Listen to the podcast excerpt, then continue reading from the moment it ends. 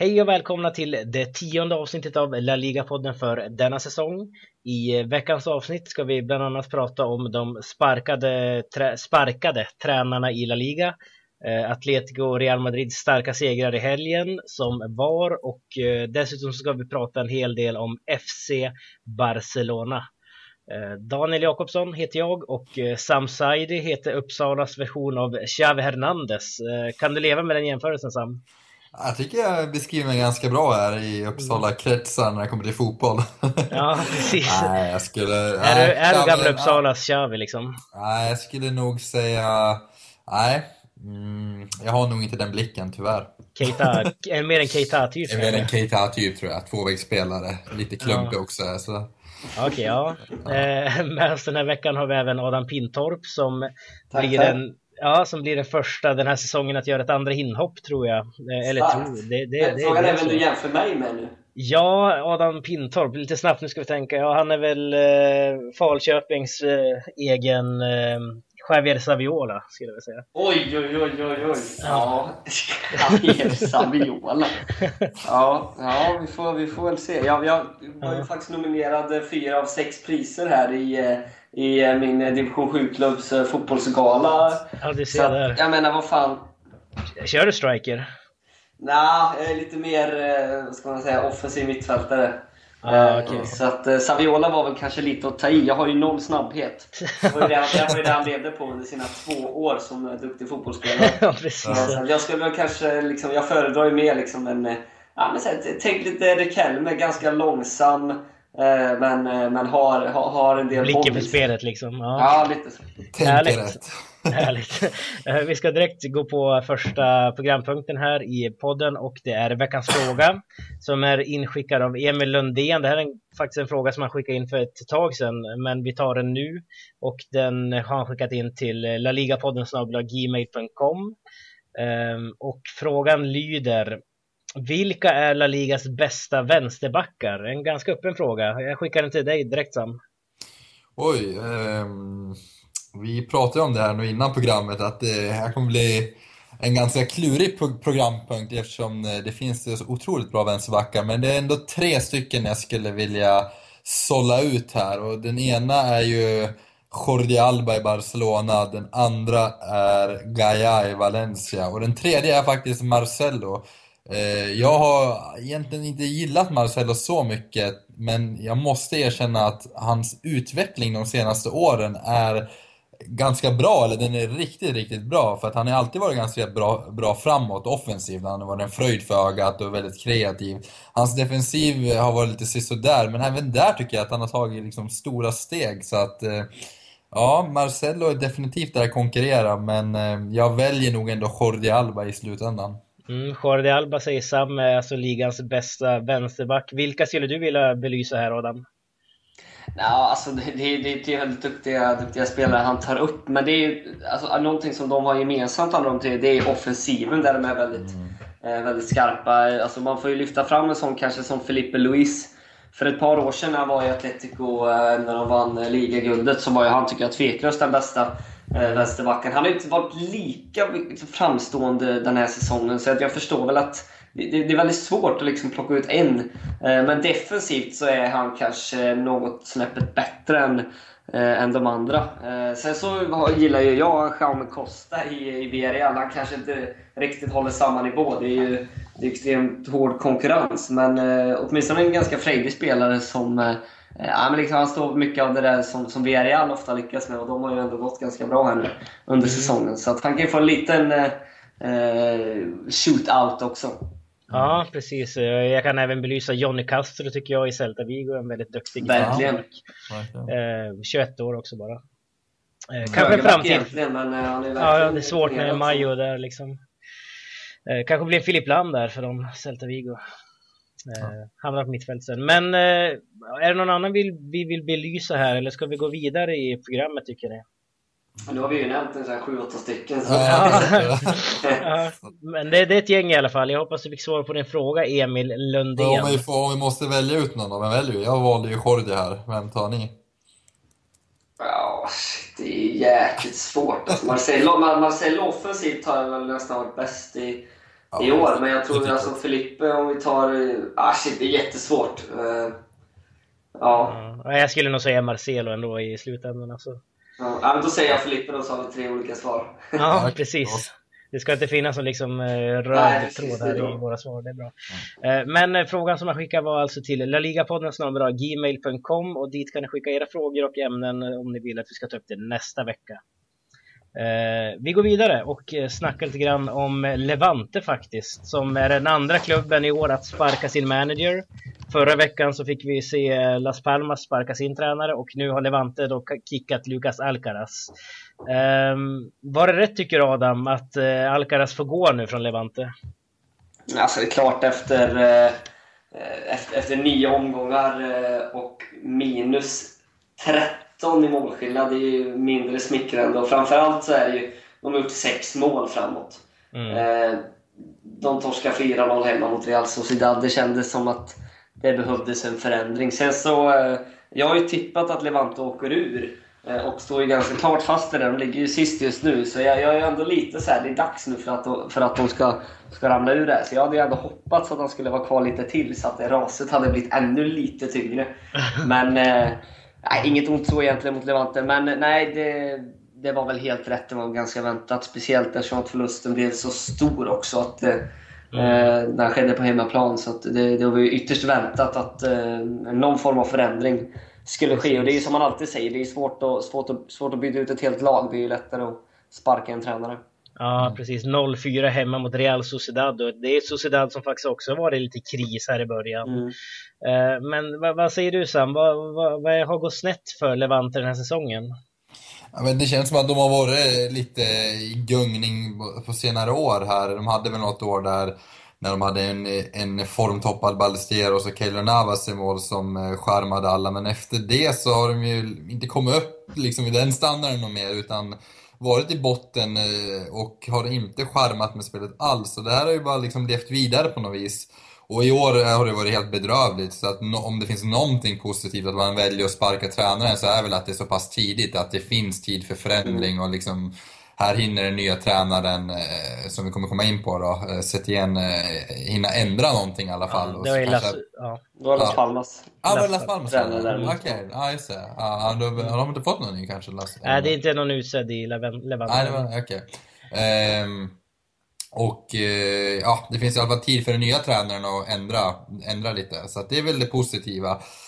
Och eh, ja, vi får se hur, hur det blir och vem, vem, det blir. Vem det har ryktats om. Det har jag faktiskt inte tänkt med. Ja, men nyförvärven har ju inte lyckats alls. Jag menar så här, Nabil Gilas, eh, eh, som jag, jag tyckte var eh, jäkla behållning i Cordoba förra säsongen, även om de gick eh, sisådär. Jag trodde han skulle ändå kunna göra ett gäng mål, men han har inte mm. alls kommit upp i någon standard. Det har ändå varit Levante de senaste åren att de alltid haft någon striker som har gjort sina mål. De hade Aruna Kone, de hade Martins under någon säsong, de hade Felipe Caicedo. Nu har de ingen som gör sina mål. Så att, mm. Mm. Och Gilas har ju på bänken till och med förra matchen, så han verkar ju till och med ha problem att eh, ja. ta sin plats i laget. Så det är ju också ett underbetyg. Ja, men Gilas var ju så i Cordoba i fjol också. Där han, när, nu kommer jag inte ihåg om det var Albert Ferrer som tog över Cordoba där och placerade Gilas på bänken. Mm. Eh, på grund av att han hade så många problem utanför planen och det kanske ja, speglar in fortfarande. Eh, men sen har vi Davidson där också som köptes in ganska dyrt i somras mm. men har inte alls liksom hittat rätt. Men mm. vad, vad, säger du Adam? Vad är det för slags manager Levante skulle behöva just nu? Alltså, ja det är en bra fråga. Men de, de har ju ett ganska defensivt lag så de behöver först och främst en tränare som sätter en defensiv så att de inte släpper in fyra mål hemma mot, mot Real Sociedad. Det, alltså, de, de hade behövt eh, de har ju haft alltså, ganska taffliga tränare. Jag menar, så här, Mendilibar lyckades ju inte så heller. De kanske behöver ta tillbaka eh, Juan Ignacio Martinez för att få någon form av defensiv grund att stå på. Eh, men det är svårt tror jag för, Levante. Det är inte den mest attraktiva klubben att komma till heller. Eh, så jag vet inte riktigt vilken tränare ute på marknaden nu som skulle kunna liksom, tänka sig ta, ta över ett sjunkande Levante-skepp. Men fram, för att svara på frågan så tror jag att de, de behöver tänka, tänka grunderna väldigt mycket och en lite mer defensiv tränare. Mm. Eh, du var inne på det här förut Sam, Kike Setien som mm. är ny manager för Las Palmas. Mm. Um, vad är det för kille som har tagit över Las Palmas? Var, var, var kom han ifrån tidigare? Uh, Setien kommer från, uh, är det Santander, eller? Lugo. Lugo, Lugo, han har varit i Santander. Eller? Han är gammal spelare i Racing. Ja, just det, Racing. I Lugo i Segundan där, har väl varit i Lugo ganska länge, eh, i 5-6 år om, om jag kommer ihåg rätt här, när jag kollade upp det här. Och eh, ja, jag, jag har inte så stor koll på den här Setien egentligen, mer än att eh, ja, han verkar vara en stabil Segunda-tränare. Och vi får se hur, huruvida det här blir en utmaning för honom helt enkelt. Mm. Jag tror det ja, är första Primera-klubben där. Han var väl i Santander i, i början av 00-talet. Och då är det oklart om de var, var de i La Liga då. Eh, oklart med tanke på jag, jag inte, vet inte riktigt vilket år han var i Racing där. Nej, jag tror det var 102 där någonstans. Eh, ja. ja, då var de uppe och vände. Ja, då var de uppe. Men annars så är, har han ju inga liksom, större meriter än så. Så det ska bli intressant att se vad, vad han har att erbjuda. Mm, vad säger du Adam? Hur kommer det gå för Kiki Sentien här i, eh, i Las Palmas? Ja, det är en jättebra, jättebra fråga. Jag har väl inte någon eh, större, större koll på honom än vad, än vad ni har, mer än att han liksom ja, har varit ganska uppskattad i, i Lugo, men de har inte heller gjort några superresultat, även om de tog sig upp till Segundan för, för ett antal år sedan. Eh, men det, det är väl kanske nog, men jag menar, steget att ta ett lag från, från, från liksom Segunda B upp till Segundan och så ta över ett Primera-lag för första gången utan någon så jätte Eh, vad ska man säga, erfarenhet från det. Det är, ja, det är ganska friskt vågat tycker jag av, av Las Palmas. Jag blev extremt chockad att de eh, sparkade Paco Herrera så snabbt. Jag menar, han mm. ändå gjort ett gediget jobb och har ju i sin tur La Liga-erfarenhet sen tidigare. Så, att, Eh, så dåligt har det inte gått heller för dem, även om de ligger under strecket. Så att, äh, det, ja, jag vet inte riktigt vad, vad de tänker med, med det nya tränarbytet, men det, det var något som, som inte funkar riktigt. Eh, och, eh, ja, vi, får, vi får se vad det blir. Jag hoppas att det kan bli ett eh, spelande Las Palmas, för de har ganska många sköna lirare och när de, när de väl får alla bitar på plats så är det ett jäkligt skönspelande lag. Ja. Med, tanke, med tanke på vad jag pratade om förra veckan med Kvibor så kan jag inte tänka mig att det är någon så spelande tränare heller, om jag får spekulera lite. Utan enligt honom så har det väl varit lite att Las Palmas har varit naiva och tänkt liksom för mycket framåt och glömt eh, defensiven. Och eh, han var väl lite lättad och glad att man eh, faktiskt tog tag i det här tidigt och inte lät det gå allt för långt in på säsongen. Så baserat på hans teorier, om jag får lyfta fram det, så kan jag tänka mig att det kommer vara en så här lite destruktiv tränare som kommer bygga bakifrån och framåt. Mm. Det, det, är väl det som varit lite problemet med Las Palmas. Kollar man på deras trupp så har de ju haft, om inte den bästa, så en av de bästa i, i Segundan i tre år i alla fall. Eh, och haft spelare som verkligen stuckit ut. Jag menar under, under förra våren när de både med Sergio Araujo och Jonathan Viera. Alltså, klassspelare liksom, som, som, som kanske inte riktigt hör hemma i segundan. Eh, så det finns ju säkert en poäng i det. Att de, de kanske borde, lite som Levante, borde, borde tänka, tänka bakifrån först och främst för att, för att sätta grunderna innan de kan eh, storma framåt. Men ja, fan, kör på bara. Jag, jag gillar ju när det, när det händer lite. Ja. Härligt! Eh, vi ska faktiskt sätta stopp för del 1. Vi har snackat en del om eh, lite klubbar på den nedre halvan, men i del två ska, ska vi lägga allt krut på FC Barcelona.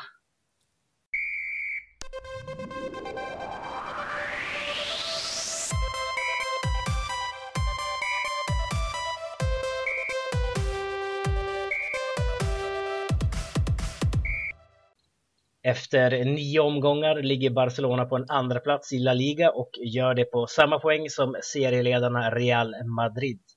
I helgen blev det ny seger för katalanerna när Eibar slog tillbaka med 3-1 efter ett hattrick av Luis Suarez. Eh, först och främst Sam, hur var matchen? Eh, det var väl en, eh, vad ska man säga, en... Eh, ja, gick väl enligt planen i slutändan även om det blev lite turbulent där när Eibar gjorde 1-0 och eh, det var väldigt mycket match över det hela. Eh, men annars så, ja, Barcelona som i, i, i vanlig ordning eh, tar tag i taktpinnen och eh, ja, jag tycker att det ser bättre ut. Vi diskuterade för några veck veckor sedan huruvida Neymar och Suarez skulle axla en viss Lionel Messi och det tycker jag ser otroligt bra. Jag tycker Neymar har tagit mer ansvar nu, även om det var Suarez som gjorde hattrick nu så tycker jag att Neymars kreativitet och hur mycket boll han får nu, det har blivit betydligt mer på något vis och han ligger ju mm. bakom målen här. Så det, det tar jag med mig och det ska Barcelona ta med sig. Så att det, eh, det såg bra ut och det, det, det, ser bättre och bättre ut helt enkelt. Mm. Hur såg eh, spelet ut Adam för Barcelona mot Eibar? Alltså, jag skulle vilja säga att eh, lite som i ja, nästan hela säsongen att spelmässigt så har det, det har inte varit någon, eh, någon, eh, något direkt skönspel eller någon, någon sensationell utskåpning i i nästan någon match. Jag menar, det var för, för någon, eh, någon vecka sedan som det blev 5-2 mot Rayo var 50-50 bollinnehav och det small hit och dit. Alltså försvarsspelet har inte varit lika, lika effektivt som, som det var förra säsongen. Det var ju en av de stora grunderna till att Barca gick hela vägen och tog trippen. Eh, och det känns som att eh, alltså, mittfältet eh, inte heller ska man säga, kommit, kommit upp i, i samma standard och får inte riktigt grepp om matcherna på samma sätt. Det känns som att Barca är lite mer...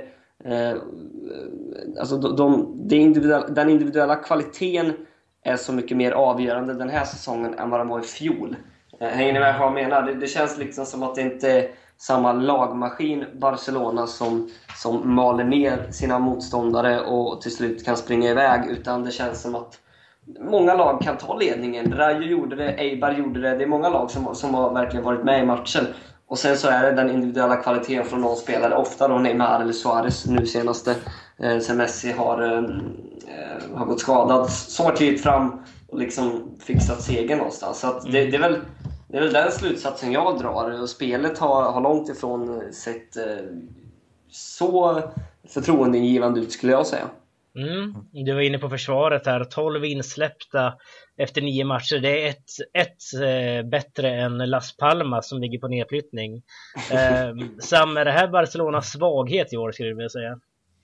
Ja, delvis skulle jag vilja säga det. Eh, eller ja, det är det ju. Det är inte ett bra, ett bra facit eh, om man tänker så.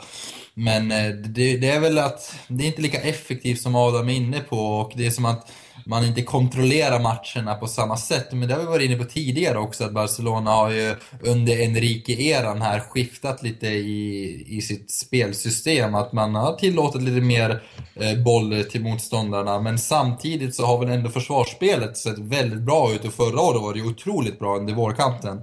Och någonstans går jag omkring med känslan att Barcelona, ja, de håller på att hitta formen, att hösten på något vis är någon slags lång försäsong tills Messi, Vidal och Arda Turan och de här äh, kommer tillbaka och där ska allting klaffa. Men jag tror att här kommer det, det, är, en, det är en farlig balansgång för att kommer man in i en slags system där där spelet inte, eller där försvarsspelet inte sitter, då tror jag det kan vara svårt att bara ändra på det sådär.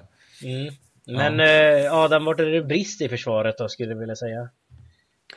Ja, men jag, jag tänkte på det, eller jag, jag, har tänkt på det förut. Jag tror att en grej som, som är, är lätt att glömma av, eh, det är en spelare som, som Xavi som eh, förvisso inte var helt ordinarie förra säsongen, men ändå spelade en 30-35 ligamatcher och varvades ganska rejält. Framförallt i sådana här matcher som mot Eibar, som mot Rayo. Mm nu då ska de kasta in en spelare som eh, Gerard Gumbau istället. Jag menar, det är, så här, det är ganska rejäl skillnad.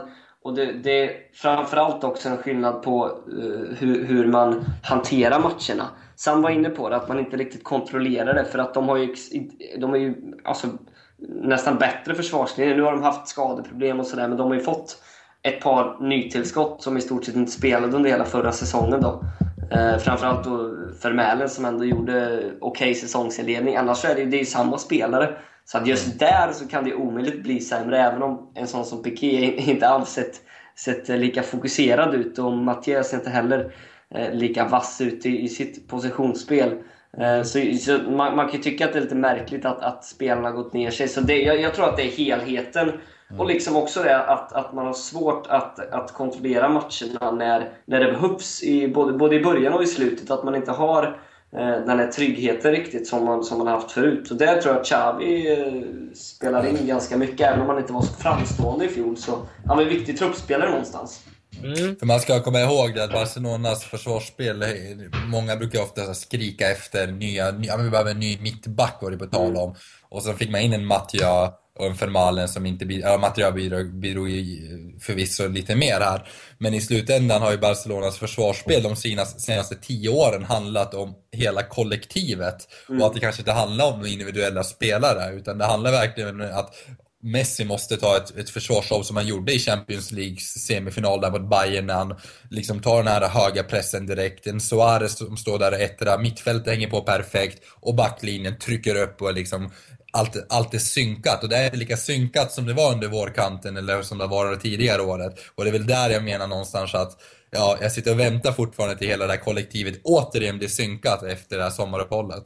Mm, du var inne på vårkanten här. Om vi, om vi jämför laget nu med det som var i våras Adam. Eh, tycker, mm. du fort, tycker du att Barcelona är i samma guldform som eh, i fjol exempelvis? Nej, nu, just nu, om vi pratar just nu, så verkligen inte. Eh, men man, man, man får ju komma ihåg att det är ett Barcelona som har vacklat och haft rejäla problem med skador. Inte bara på försvarsspelarna, jag menar Alves, Douglas, Vermeulen, Mathieu, Alba, alla har varit skadade. Adriano också, men det är ju någonstans eh, regel än undantag snarare. eh, och även på mittfältsspelarna. Jag menar Iniesta är skadad nu. Eh, på väg tillbaka. Sergio Roberto skadade sig i Champions League. Messi är skadad sen innan. Det, är liksom, det, det här bara fylls på och fylls på. Eh, plus att de här nya spelarna som har värvat in, Alex Vidal och eh, Arda Turan, inte får, får spela än. Eh, och det är klart, det har ju gjort att... Eh, jag menar, någonstans så, så blir det ganska tydligt att en Monir eller en Sandro kan inte gå in och, och ersätta en Messi. En ja, Gumbau kan inte gå in och ersätta en Busquets. Alltså det, det, är, det är ganska glasklart egentligen. Eh, men Barca har ju haft ett jäkligt tufft spelschema. Jag vet, jag skrev det inför säsongen att om Barca ligger med i toppskiktet, och då snackar vi, de behöver inte nödvändigtvis leda ligan, men säger bara en 3-4 poäng ifrån då, eh, när det vänder. Eh, då, då tror jag att de blir svåra att slå. För de har ju också väldigt... De har ju haft de tuffa matcherna redan nu med, med Sevilla borta, Atletico borta, de möter Real här snart i, i El Clasico och sådär. Så att lyckas de hänga med ändå, trots att de har haft problem både spelmässigt och med skador fram till jul, så då tror jag att de kan bära hela vägen. Men just nu så visar de ju ingen guldform. Så att det är ändå positivt på det sättet att det inte spelas några Champions League-avgörande matcher nu kanske. Nej, eh, vad säger du Sam? Vad är det som skiljer laget idag från det du såg i våras som vann Champions League och ligan? Och ja, Copa del Rey? Ja, nej, men det är väl det jag var inne på också. Det, att den här, det, det, det, det är inte lika synkat. Och det hänger ihop med allt vi har varit inne på också här. Skador, transferbanden bland annat. Eh, en, en Xavi, alltså när, när det var skador förut, så Xavi klev in då och det är inte en dålig ersättare utan han håller fortfarande väldigt hög nivå. Eh, så truppen var ju bredare och man hade ja, tur med skador, eh, mycket små marginaler. Och eh, ja, säsongen är lång så att det, det är inte omöjligt att nu när under januari när Vidal och Turan kommer till spelen, Messi kommer tillbaka, man får tillbaka Iniesta, då kommer det ju givetvis se bättre ut. Men det, jag tror ändå grunden någonstans ligger i att man måste få hela kollektivet synkat igen. Att försvarsspelet blir synkat, anfallsspelet blir synkat och kommer resten. För den individuella skickligheten, den finns där. Den är ju kanske högst i hela världen, speciellt när vi pratar om trion där fram. Mm. Eh, så att, ja, det är väl det kollektiva och det, där ligger mycket ansvar hos Enrique. Ja, precis. Eh, jag tänkte att vi ska gå vidare och prata lite grann om Juan Laporte här. Eh, som menar att FC Barcelona är i händerna på Qatar. Eh, vad menar han med det Sam?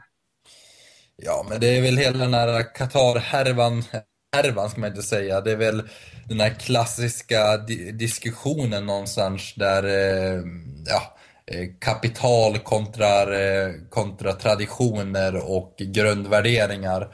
Och eh, Laporta menar väl att Barcelona någonstans har hamnat i Qatars händer nu då. att eh, det finns vissa värden som vi inte ska förhandla alldeles oavsett hur mycket pengar som kommer in till Barcelona. Mm. Och eh, det är väl lite den diskussionen och det är inget nytt utan det här är, väl, det här är något som diskuteras kontinuerligt och ganska ofta i, i Barcelona. Så att, eh, men nu är det väl en, en ganska tung pjäs som Laporta som tar upp det och då får det väl lite extra rubriker. Ja, precis. Han menar på att budgeten alltså förlitar sig, alltså Barcelonas budget förlitar sig på hela Qatar-summan som man får mm. in. Eh, skulle du vilja säga att, eh, Adam, att Barcelona är ekonomiskt beroende av Qatar på grund av att man förlitar hela sin budget på Qatar? Alltså, eh, jag, jag, jag, vet inte helt vilken insyn Laporta har heller eh, i det. Han vill väl, han vill väl pressa, pressa den nuvarande ledningen också. Eh, men, eh, men grejen är, alltså, det, det snackas om nu är att de, de vill att eh, eh, det nya liksom, tröjsponsoravtalet med Qatar ska bli den högsta i, i världen. Och det, det är med tanke på de här märkliga försäljningarna man har gjort av spelare som, som en sån som Deulofeu och yngre spelare som det snackas om nu som är på väg bort i form av Grimaldo, Samper det känns ju någonstans som att ekonomin inte riktigt eh, är hundraprocentig och att de verkligen vill pressa upp summan för, för att få en så hög, det är klart de vill ha en så hög, men liksom högst någonsin och, och att de eh, verkligen eh, vill gå in allt för det där. Ja, mm. det, det indikerar ju någonstans att allting inte riktigt är som det ska. Sen hur, hur Eh, Eh, hur illa det är så att säga, eller hur beroende de är av Qatar, det låter jag vara osagt för det har jag faktiskt ingen, ingen vidare koll på. Men det är ju sådana enorma summor. Så det är klart att det, det, de är beroende av det på, på ett sätt, absolut. Ja, han snackar lite grann här också om att Barcelona kan gå i konkurs här framöver. Är du orolig för ekonomin Sam i din klubb här? Nej, det, det, är jag faktiskt inte. Utan eh, jag tror inte att Barcelona kommer gå i konkurs och det går att hitta andra sponsoravtal också. Och eh, jag tror liksom huvuddiskussionen i slutändan kommer ligga i huruvida Barcelona ska ha just Qatar som, som eh, en, en sponsor. Och anledningen till varför man har just Qatar det är ju för att de erbjuder helt galna sömmor för väldigt lite om jag får säga så. Men för den här Barcelona-supporten och fansen så, så, är det ju inte så lite utan det är ju en del av klubbidentiteten. Eh, men det där är alltid en konflikt som kommer vara ständigt närvarande. Den här konflikten med pengar versus klubbidentitet och tyvärr så utesluter de två sakerna varandra ibland. Ja, Eh, vi ska faktiskt sätta stopp för Barcelona-delen nu och eh, i del 3 så ska vi snacka lite grann om Madrid-klubbarna.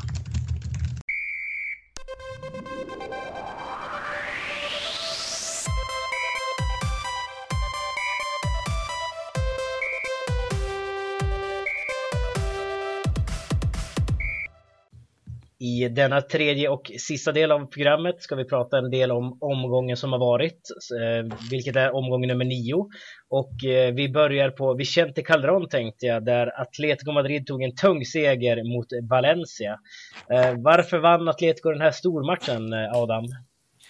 Eh, ja, egentligen så var de ju bättre på i stort sett varenda punkt. Eh, det var, jag, jag, skrev om det kort efteråt, att det var, det var länge sedan jag såg en ska man ändå säga, en stor, stor match där, eh, där resultatet var så missvisande för att eh, Valencia var inte ens i närheten i den här matchen. Det borde blivit en 5-1 eller något om de bara hade utnyttjat sina lägen. Så att eh, man kan väl någonstans dra slutsatsen om att Atletico faktiskt eh, kommit igång och ser väldigt bra ut och hänger nu med lite smygande i toppstriden utan att de eh, egentligen fått någon cred för det. Och det älskar ju Simeone. Det är precis i den här situationen han vill vara. Eh, och mm. samtidigt kan man ju säga att Valencia har en bra bit kvar till att leva upp till alla pengar de har kastat omkring sig och eh, där de också vill vara, vilket givetvis är i en toppstrid snarare än att ligga på plats, vad ligger de nu? 8, 9, 10 kanske? Ja, 9. Så att eh, det, ja, Atletico demonstrerade att de ser jäkligt bra ut. Valencia har mycket, mycket kvar innan de ens kan vara i närheten. Och och liksom blanda sig i någonting på allvar. Det, det är den känslan jag har efter matchen. Ja, precis. Man, vi har ju snackat mycket i, eh, under den här säsongen om eh, Celta Vigo och Villarreal och imponerande det har sett ut.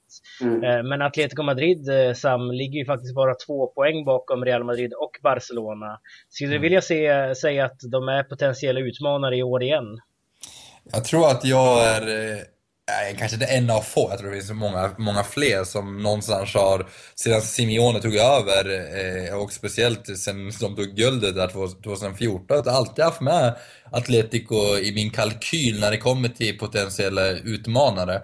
Mm. Sedan så vet jag att det finns ett glapp mellan Real Madrid, Barcelona och Atletico, att det är inte på samma förutsättningar. Så att det, det är jag fullt medveten om. Så att jag är inte så här chockad på något vis, men däremot så eh, måste jag säga att den här matchen var ju någon slags maktdemonstration som verkligen bekräftar ja, verkligen. bekräfta min, eh, min teori om att de, eller teori, bekräfta mina föraningar om att de kommer vara med och utmana. Och precis som Adam är inne på så är, det, är de ju i en position nu där, eh, ja, där de verkligen vill befinna sig och där Simeone verkligen vill befinna sig. Där de någonstans, där majoriteten ändå inte räknar med ah, att Barcelona och Real Madrid är lite för starka. Men de hänger ändå på, som du säger, två poäng efter och eh, det, det tänker man inte alltid på. Och så kommer det kanske komma in i slutomgångar och så bara, ja, men de är ju bara en poäng efter. Och helt plötsligt så leder de ligan och allt i egna händer. Så att ja, man, de, är, de är väl luriga men ändå inte. En, en annan sak vi bara också ska, ska lägga till det är att de har ju lite som, som vi var inne på Barsas spelschema som har varit tufft och kommer vara hela hösten med många tuffa bortamatcher. Atletico har ju haft sina klart tuffaste Eh, match avklarad nu när den här hösten. De vann mot Sevilla borta, de har redan mött Barca och Real. Eh, de mött Villarreal borta, Real Sociedad borta förra, förra eh, bortamatchen. Så nu har de då, om vi kollar så här, nästkommande omgångar, så möter de Deportivo, Sporting, Betis, Espanyol, Granada och sen Athletic Club hemma. Alltså det är så här, mm. Vägen står ganska öppen för dem att, att hänga på och ta ganska många trepoängare här nu. Och, ja, det, det är, det är öppet för dem så sett. Eh, sen så ska ju jobbet gå in och göras också. Men eh, jag tror absolut att de kommer kunna hänga med väldigt långt även den här säsongen. Mm. Eh, hur skiljer sig laget då Sam, tycker du, från när de vann ligaguldet för några säsonger sedan? Um, jag tycker inte det skiljer sig så mycket rent kvalitetsmässigt utan grunden är samma, idén är densamma. En Diego Costa har man bytt ut nu då, så har vi Jackson Martinez. Man har fått in en Griezmann som inte var med under guldet, eh, som tog stora kliv förra året. Man har till och med fått tillbaka en Filipe Luis som sakta men säkert säkert kommer hitta någon sån här guldform. Eh, mm. Men annars tycker jag laget är ganska intakt. Eh, snarare att man har en bredare trupp tycker jag nu. Jag tycker att mm individuellt sett så är det här laget mycket bättre än vad det var när de vann guld. Så på pappret är ju Atletico mycket bättre, eller inte mycket bättre, men det är ett bättre lag nu än guldlaget 2014. Mm, ja, det håller jag med faktiskt. Ja, men jag håller med. Det, det, det känns som att eh, potentialen i, i anfallsduon Griezmann och Jackson Martinez är ju långt mycket bättre än Diego Costa, David Villa.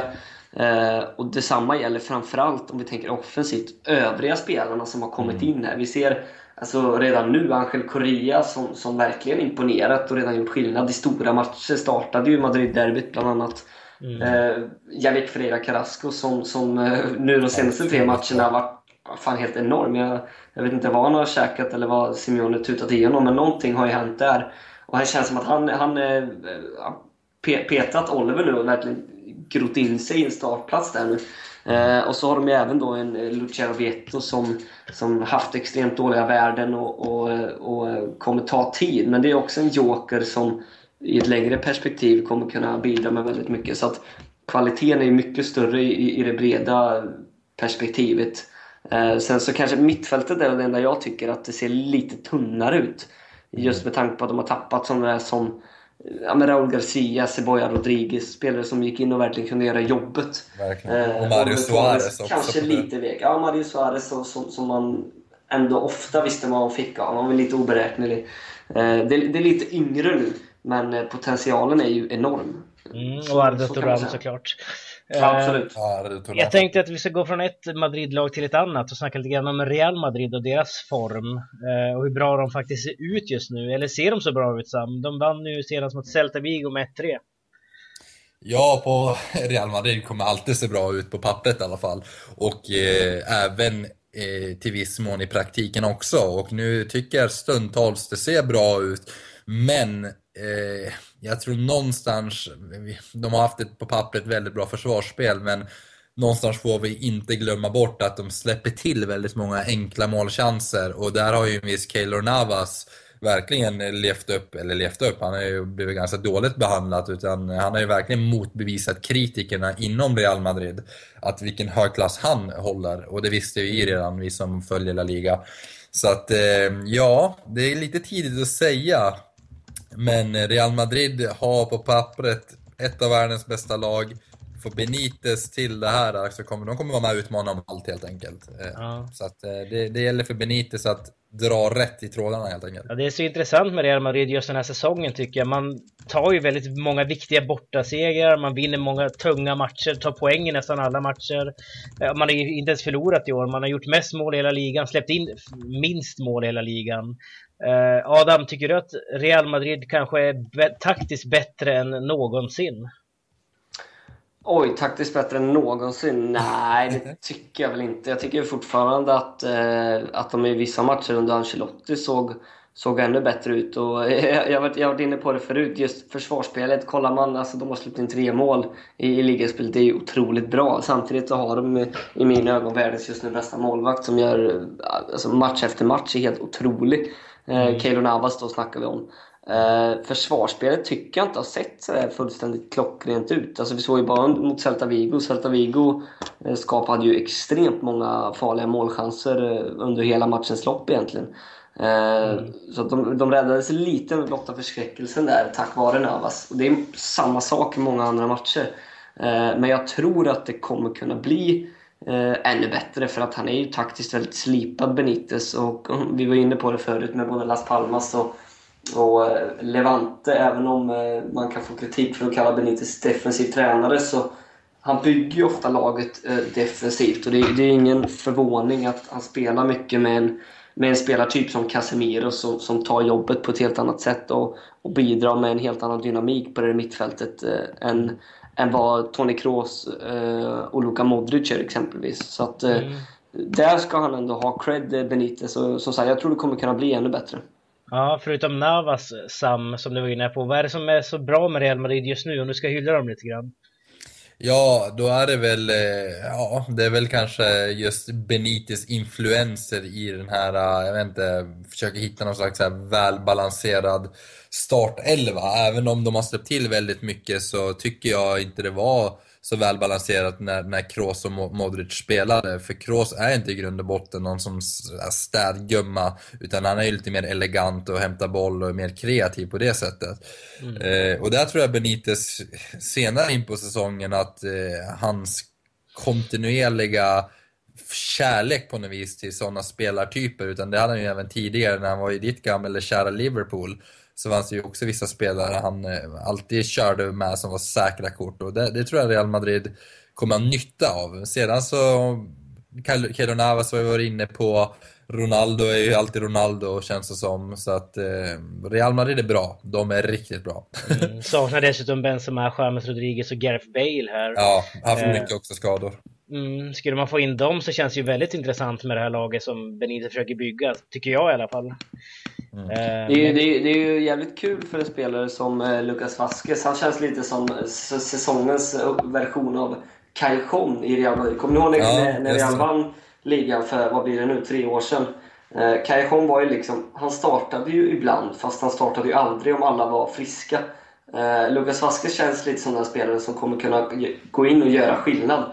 Han har gjort flest assist nu i Real Madrid och han har ju startat bara ett par, tre matcher.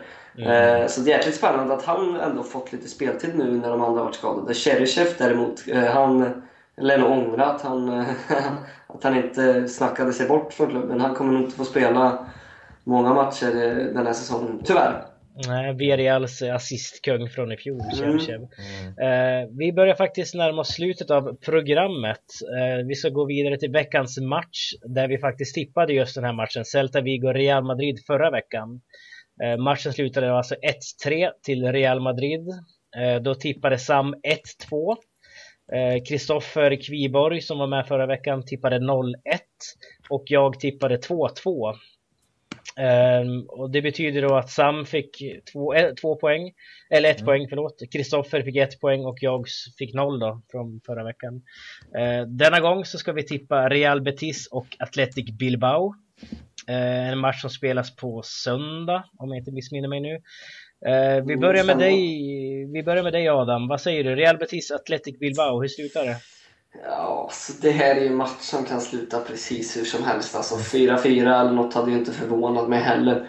Eh, ja, Atletic eh, imponerade mot Sporting. Jag såg inte matchen men hörde att de var riktigt, riktigt bra. Eh, Betis vet man ju alltid vart man har. Eh, det här är jättesvårt. Jag... Eh, eh vi säger 2-2. 2-2. Mm. Mm. Eh, Sam, vad säger du? Mm. Ja, jag säger 1-2 till Atletic. De är på gång nu. Har väl fyra matcher utan förlust nu, varav tre segrar. Ja, så att eh, de har bra form är på gång, så att det blir en 1-2-seger. 1-2 till Atletic. Jag mm. är inne på lite grann det Adam tänker här och säger 1-1 i den här matchen. Eh, de blir delad pott mellan Betis och Atletic. Mm. Eh, Sam, vill du köra veckans Tokier och veckans Faubert kanske? Ja, veckans lista såklart. Och då har vi veckans Tokero blir denna vecka, eller går denna vecka till eh, en spelare som inte har fått den någon gång och det blir Kevin Gamero som står för ett hattrick och eh, kanske inte just den prestationen i sig, men jag vill ändå lyfta fram honom för att jag har ju alltid haft ett dåligt öga för honom. Men jag måste säga att han har motbevisat det med. Han har ändå förpassat ganska stora namn till bänken nu. Och mm. eh, han är en riktigt bra måltjuv måste jag säga. Han har ett öga för mål som, eh, ja, som eh, är ganska unikt ändå. Eller inte unikt, men man kan nog kategorisera honom bland några stora namn där när det kommer till just måltjuvhet. Ja. Eh. eh lite Ulf van Nistelrooy-varning kanske? Ja, det var lite det jag tänkte på faktiskt. Ja. eh, veckans Faubert då? Veckans Faubert, jag var lite snäll mot Kvibor förra veckan eftersom det var Las Palmas fokus, men nu får det bli Las Palmas offensiv. Eh, den är inte bra. Den går inget bra och eh, det, det syns. Eh, nu har man tre raka matcher utan mål. Man har skickliga spelare framåt, speciellt när det kommer till eh, Arajo och Jonathan Vera. Så att det finns mycket att hämta, men ja, det, det, ser inte bra ut just nu och det där måste ehm, den nya tränaren då se till en ehm, vecka offensiven helt enkelt. Så att veckans ja. Faubert, Las Palmas offensiv. Ja, får se vad Kiki Setien kan hitta på där i Las Palmas nu då. Eh, mm. Vad säger du om listan Adam? Ja, det är en ganska fin lista. Själv hade jag nog ändå valt Kiruna Vass eh, för en av säsongens eh, sjukaste målvaktsinsatser kanske. Men eh, ja, Gamiro kan ju, kan ju förtjäna lite, en liten hyllning ändå. Slog ju hattrick straffar också, Sevilla. Så att ja, men han gjorde domaren med sig. Ja, jag tror han gjorde en straff också faktiskt. Ja, en straff gjorde han, ja, absolut. Men Anders Suarez var också med på den här listan för veckan, gjorde en bra match. Mm, härligt. Ja. Uh, innan vi avslutar så tänkte jag också att du Sam kan köra lite grann av våran mail och våran hemsida kanske? Ja, precis. Maila in veckans fråga, laligapodden gmail.com. Sen har vi laligapodden.se om ni vill hitta lite gamla avsnitt och så som vanligt. Mm. Så att inga konstigheter. Fan vad stort, har ni hemsida nu också? Jajamän. Det utvecklats här. Jajamän, så ni, ni expanderar rejält måste jag säga. det är så det ska vara. Ja, jag, jag, jag, måste, jag måste ju också få avsluta med att säga att eh, innan sändningen så så jämförde ju Daniel sig själv med Lemmy, sångaren i Motorhead.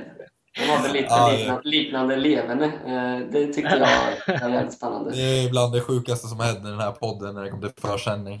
Ja, men det är inne lite grann som Lemmy här. Han snackar och han har ju bytt eh, livsstil nu, Lemmy också. Han har ju bytt ut eh, sin Jack Daniels och Cola mot vodka och apelsinjuice för att bli lite nyttigare. Så det är lite den tanken jag har här också. Ja, ja du, du menar att du också har bytt? Eller? Ja, precis. Jag har bytt med. Så det, jag försöker bli lite grann som eh, Lemmy fast på lite lugnare plan. Om jag säger så. Nej, skämt åsido. Eh, tack så jättemycket för att du var med den här veckan Adam. Ja, tack själv. Tack själv. Eh, och tack till dig också Sam som vanligt. Eh, tack, tack. Vi syns ju och hörs nästa vecka. Eh, och då är vi tillbaka med ett nytt avsnitt eh, med ny gäst och nya programpunkter. tack för oss. Hej då! 行。